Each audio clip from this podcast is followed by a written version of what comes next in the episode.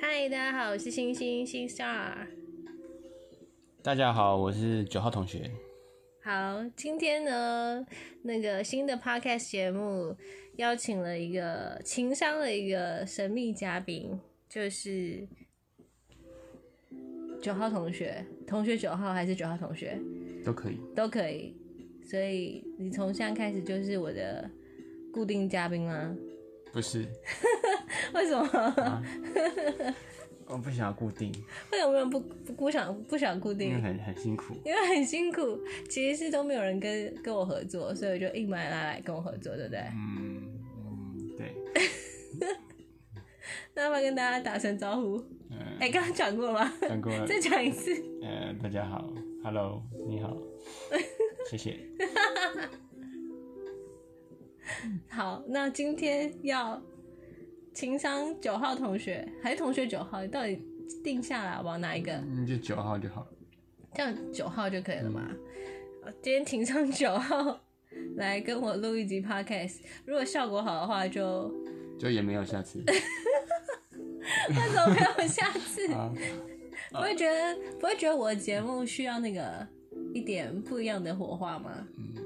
你你要不要说说看，跟大家说说看，你听我节目这么久了，有什么有什么感觉？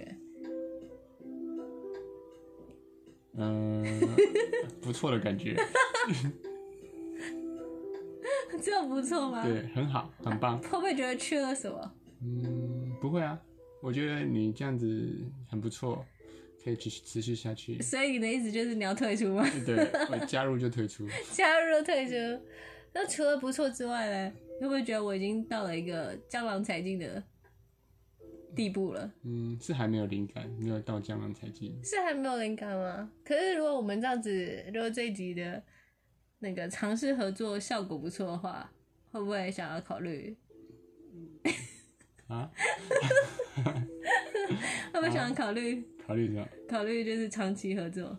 呃，再看看。再看看，是因为没有付车马费吗？对，那如果要如果可以付车马费，再看看。再看看。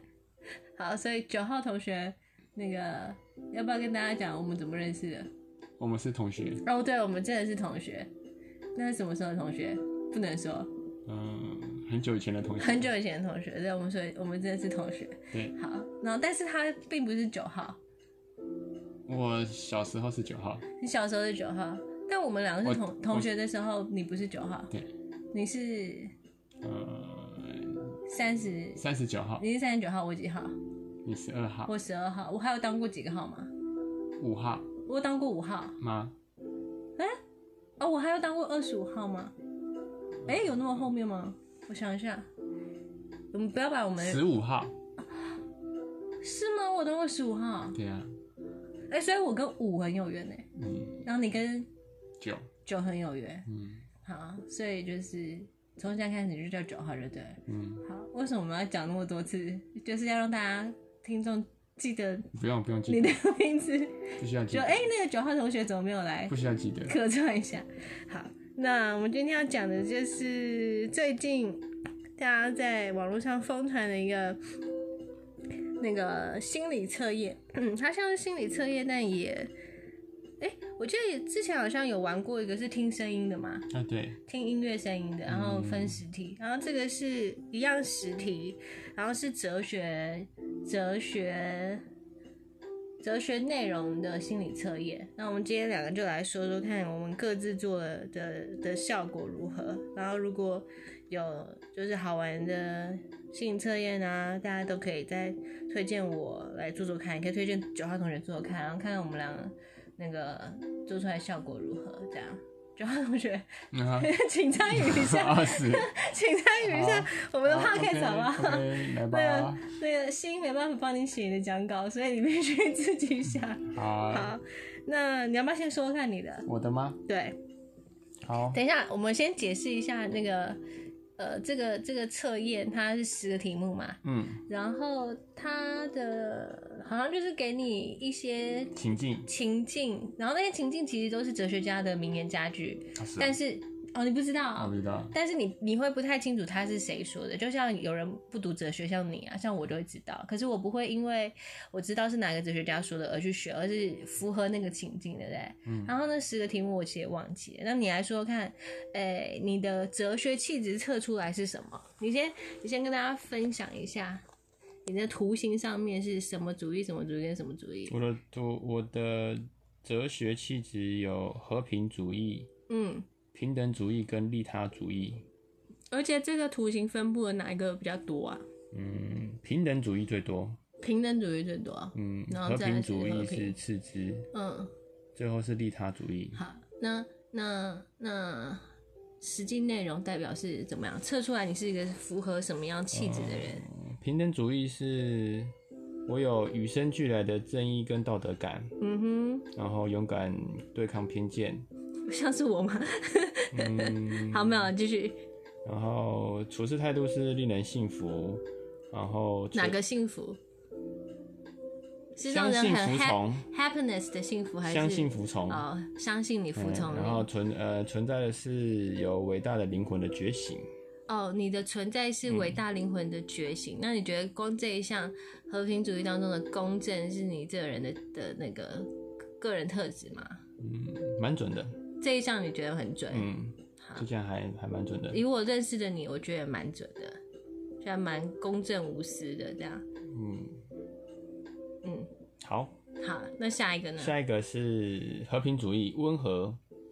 它它的呃里面的内容是你找到与世界相处的平衡点，等一下，可是这一点我觉得有吗？嗯，就是，嗯，有吧？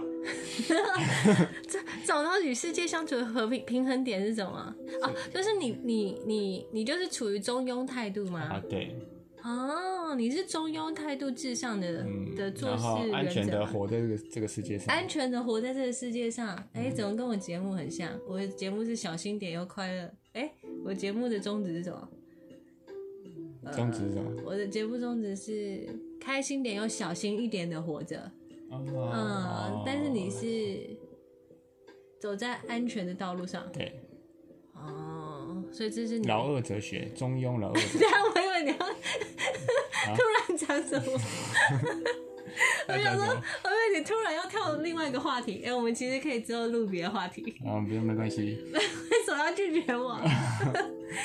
好，继续讲。好所以你觉得就是中庸之道是跟这个温和有相关？好，继续。然后拥有令人安心的力量，嗯，哎，总能为什么神要嘿？ 总能神奇化解矛盾，是不可多得的调停者和安慰者。哎、调停者跟安慰者、哎，你会觉得你认识我这么久，你会觉得我是属于要被调停的，还是我会出来主持正义的？嗯，你是属你是需要被安慰的，我是需要被安慰，还是需要安抚还是需要被制止的？需要被安抚的，我需要被安抚的。嗯那你会觉得我是算是激进派吗？冲动派。 那通常像这样像这样符合你特特性的温和主义的人，是不是很讨厌我这样的人？你可以还好你可以说实 话，没关系，九号啊同 学。嗯，不会啊，因为你说说不好听的话，我就卡掉重录、啊对，不会吗？真的吗？嗯那你觉得这一项有符合吗？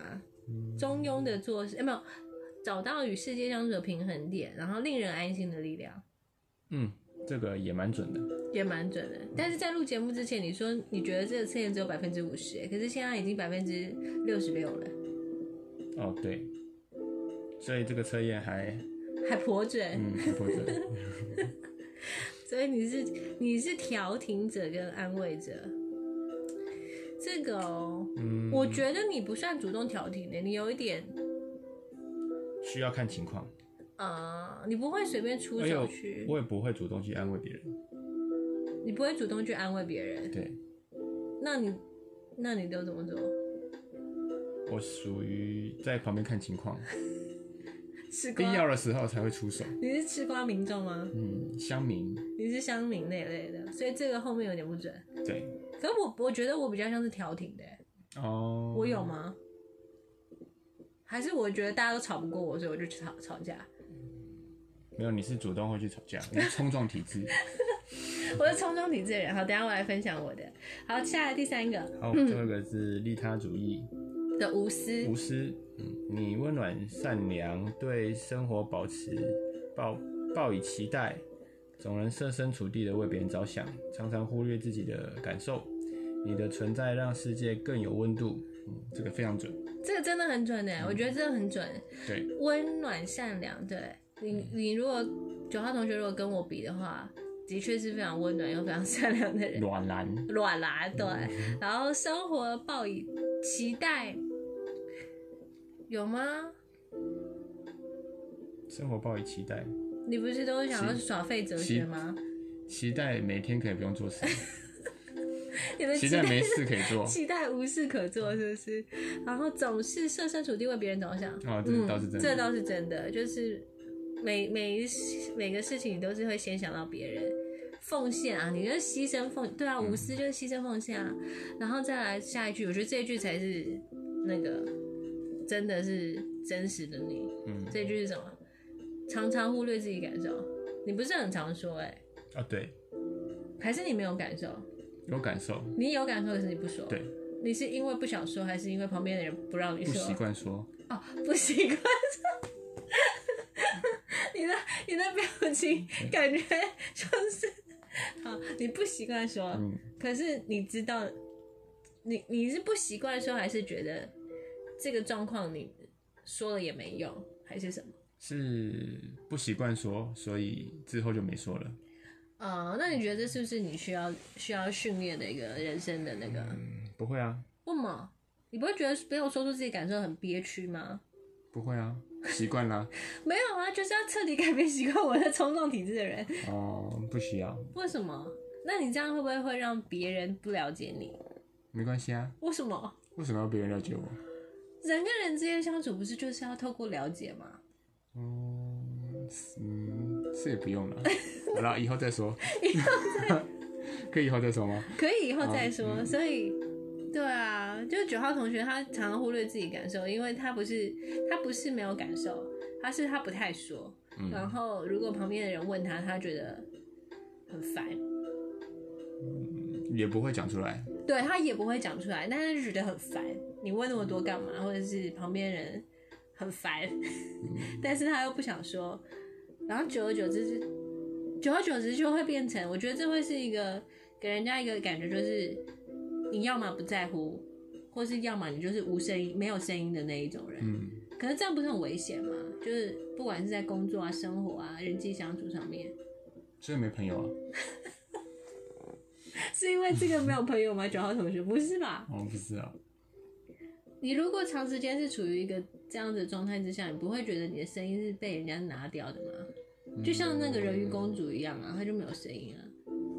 啊，你不知道人鱼公主的故事，嗯，对不对？对，其其实我觉得这这个应该就是看看起来这个分析，这个应该就是你可能嗯人生需要学习修炼的地方，对不对？然后最后一句，最后一句这一句写的很棒欸，嗯，你的存在让世界更有温度，嗯。做个有温度的人。做个有温度的人，的确就是符合你软来的嗯形象，这样暖男，软来。啊所以九号同学，你再次看了这个嗯测验之后，从、你原本的那个百分之七成吧。百分之五十提高百分之七十啊，嗯，对，所以你你你会推荐大家来做做看吗？嗯虽然我也不知道这个网网网址连接在哪，哎、我是我给你的吗？对啊，对不对？好，那我到时候再好啊，哦，好，那那你到时候再回传给我。哎、不用，反正我到时候再放在那个资讯栏上嗯面给大家做做看。好那换星星星 star 的哲学气质，你要不要帮我念一下？好。我的上面的那个三角图腾比例，最多的是存在主义，嗯然后情感主义次之，嗯最后是柏拉图主义。嗯。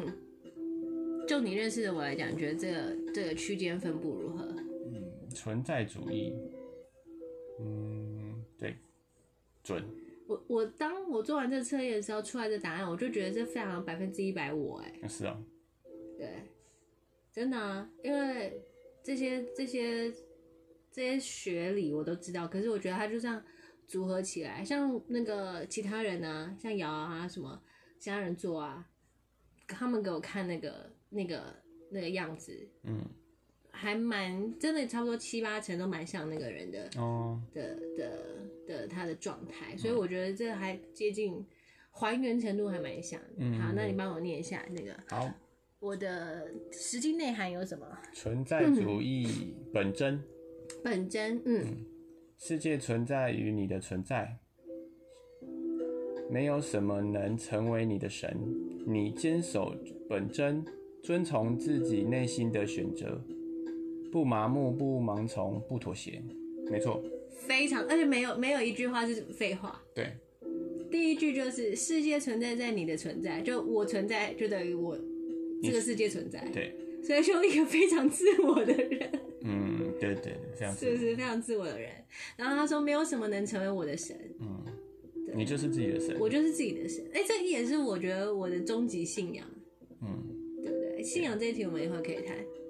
好，再说，哎、各位各位有没有听到？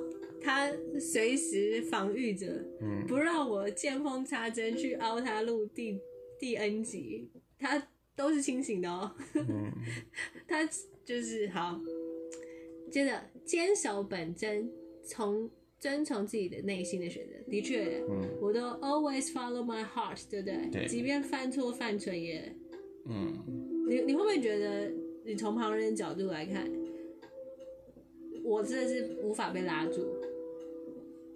对你有自己的自己的决定，就算旁边的人，或是你，或是别人分析没有办法了撼动，利弊得失，也没办法撼动嫌少。嫌少。嗯那我是不是就是那种讲不听的死硬？那叫什么耳耳朵什么倔强吗？倔强吧？哦，倔强。我很倔强吗？还是固执？还是我就是叛逆？反骨。我反骨嗯吗？对，所以遵从自己本心就是反骨吗？就是那叛逆也吗？不是啦，就是听，嗯、嗯，听自己的声音，不是听的声音。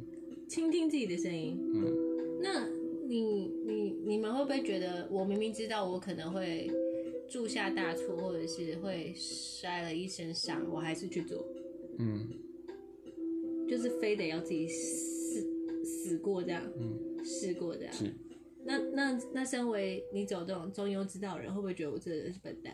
也不会啊，哦，那你会羡慕我的勇敢吗？也不会啊，什 么？你要说他就死死算了，是不是？也不 嗯会啊，反正不嘛，那你不会看到我那样很激进，嗯就是会有一股想要被引起的那种。哎、那我也我也不去这会，我样。我需要安全的活着。所以，就算你看到我冲撞了，有很很棒的效果，你也还是安安全待在自己的对，位置上，位置上，安全待在自己的瓜壳里。嗯，是瓜壳吗？乌龟、龟壳，瓜牛啦。啊，瓜鸟，花壳里面嗯吗？真的吗？那有时候我觉得我有点太太太照进了吗？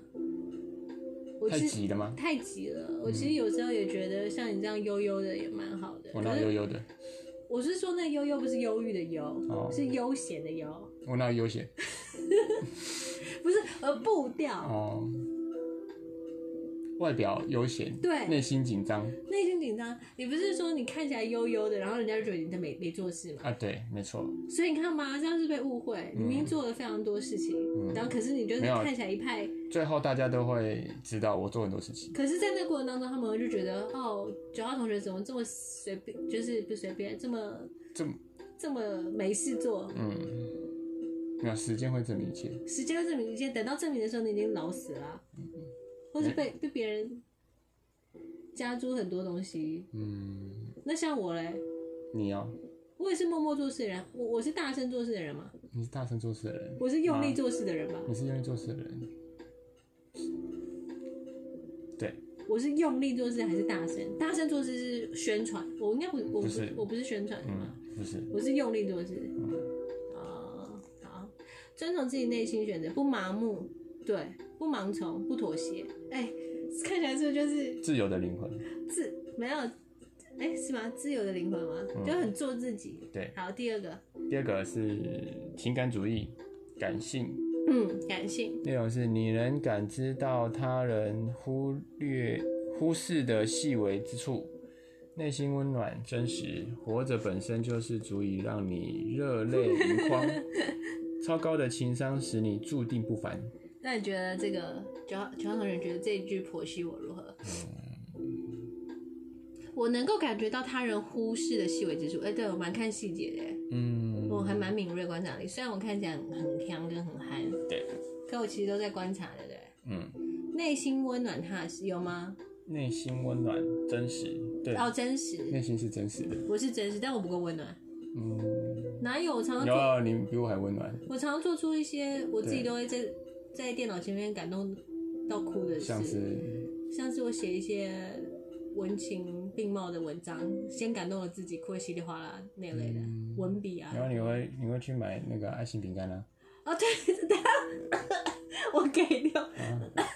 我为什么爱心饼干？嗯，我不会，你不会？嗯我就算买了爱心饼干，我没有吃，但我还是会去买。对，而且我还有去那个，我每个月，我几年前开始，我每个月都有捐那个，让我养是小孩，养小孩，不是领养，是认养。哦，认对认养，对，世界展望是吗？我基金会是世界展望基金会吧？对诶对，反正我对啊，我是一个真实温暖的人，内在活着本身就足以让我热泪盈眶。我常蛮容易被自己感动的。嗯。嗯，那你觉得大家会感受到我的温暖吗？跟我的热？对啊，很很热啊！不是因为胖子流汗，啊，对，不是不是哦不是不是天气热，不是天气热，是吗？就觉得我暖暖的吗？对，真的、好。然后他说超高的情商注定让我不凡，这句话我觉得我不好意思说他完全对，嗯，对，因为我情商还蛮低的，情绪智商，不高，这我我控管什么声音啊？好，没事。呃，我控管情绪的能力好像不是很高，这里的对情商是指什么？情绪丰沛吗？脾气确实不好。是因为认识那么久你才那？么我最最近呃有越来越好的趋趋向，哪是趋趋势最？近啊？不是最近，是我是长大之后吧？对，那是因为发现自己没有力气生气了吗？还是觉得应该应该是觉得不需什么呃很不多需事情要不需要生气了，不需要生气，然后对想别的方法解决？所以我的情商有慢慢有有越来越好了，有越来越好了。你讲话真的还蛮蛮什么？中肯的，对，中 肯，对对对，我我们节目就是真实，嗯不不浮夸。好，第三个，第三个柏拉图主义嗯理哼，想。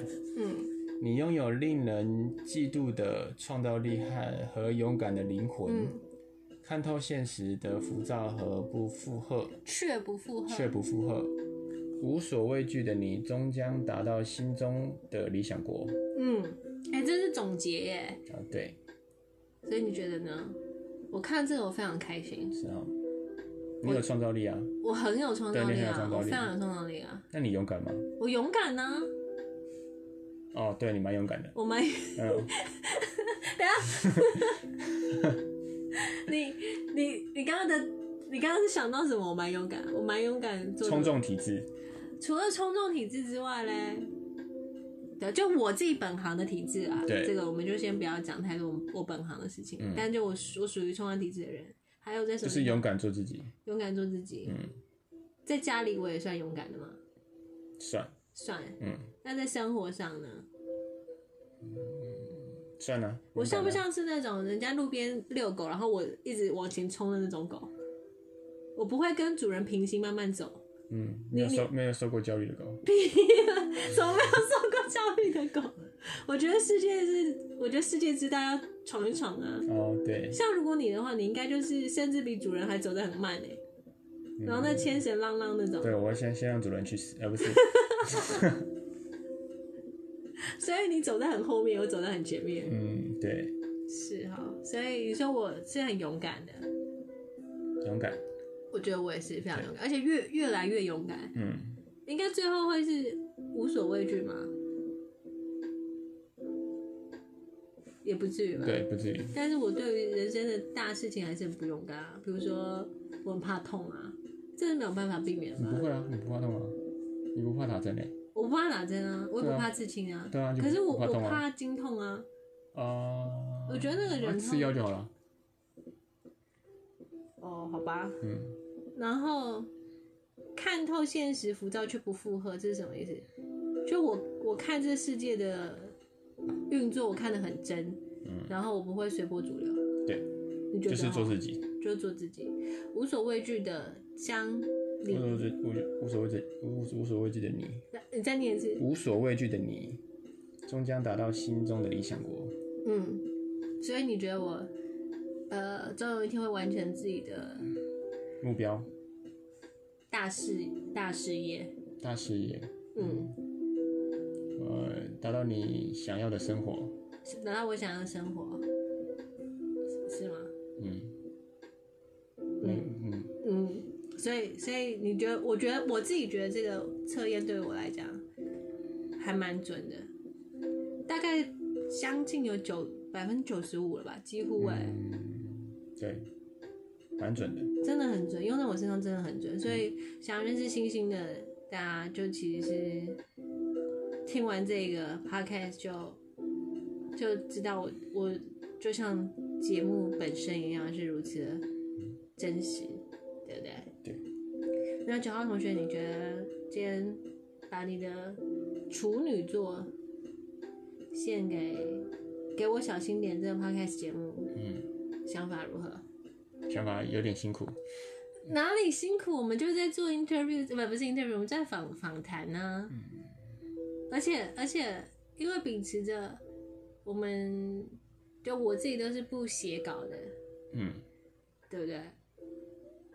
对，啊，对，就是我们有谈论过，我是属于一个创造力的人嘛，嗯，然后你是属于一个复制力的人，复制复复制制贴上。